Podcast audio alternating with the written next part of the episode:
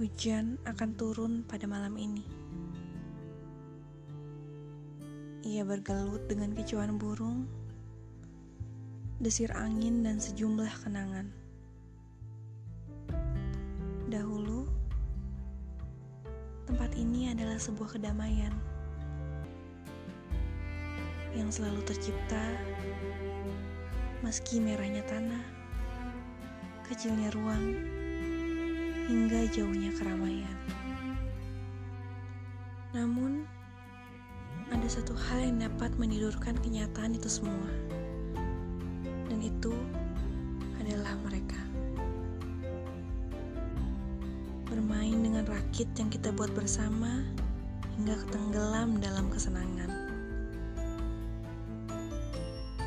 menjajarkan kaset-kaset yang membentuk satu simbol, dan perlahan kita sentuh sampai semua jatuh dalam tawa.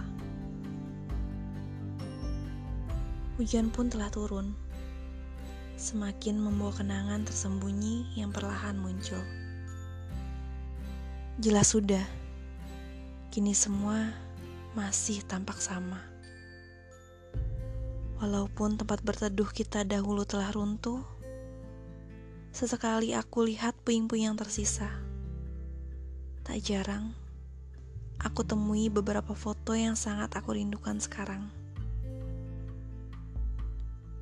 Ayah. Iya, ayah. Kemudian, aku teringat tentang perbincangan di suatu malam. Malam itu merupakan saat di mana kami berbincang begitu dalam, saling memasuki, sebab kita memiliki mimpi yang sama.